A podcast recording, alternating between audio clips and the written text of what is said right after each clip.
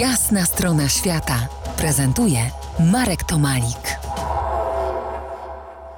Po jasnej stronie świata Wojciech Dąbrowski, antropolog z Uniwersytetu w Sydney. Panie Wojtku, studiując wnikliwie historię rdzennych mieszkańców Australii, natknąłem się na informację, że 10-20 tysięcy lat temu byli oni na wyższym stopniu cywilizacyjnym w sensie użycia narzędzi niż ludy w Europie. Może tam się to wszystko po prostu wcześniej zaczęło.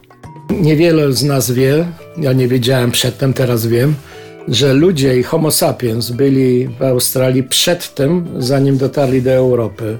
Wyobrażasz sobie? Z Afryki wychodząc, ale wzdłuż idąc i tak sobie dotarli do, do Australii i to są na północy się osiedlili Kimberley, niedostępne rejony. I tam są pierwsze grupy, które tam dotarły, zostawiły malunki, które są inne niż malunki albo resztę e, innych miejscach aborygeńskich i się nazywają bread shows. Bread shows od nazwiska farmera, który pierwszy to zobaczył.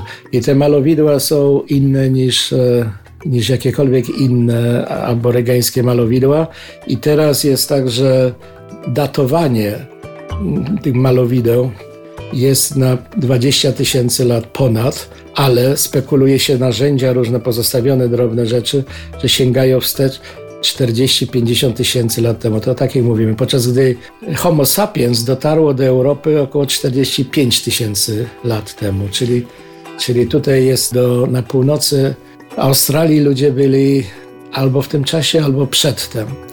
A inna rzecz, jest ciekawa bardzo, że w tej chwili wiadomo, że są przez genetyczne badania trzy rodzaje ludzi, które zamieszkiwały obok siebie równolegle planetę Ziemię.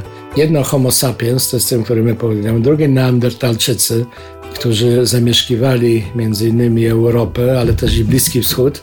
I trzeci się nazywa Denisowians, Denisowianie. Nie wiem, czy słyszałeś o tym. Nie, o Denisowianach nie słyszałem, ale to bardzo ciekawe, jeżeli ciągle możemy poszerzać horyzonty naszej wiedzy, nieustannie weryfikować ją.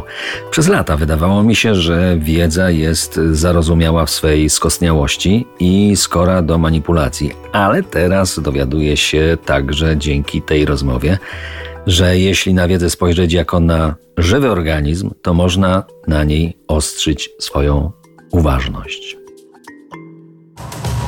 To jest jasna strona świata w RMS Classic.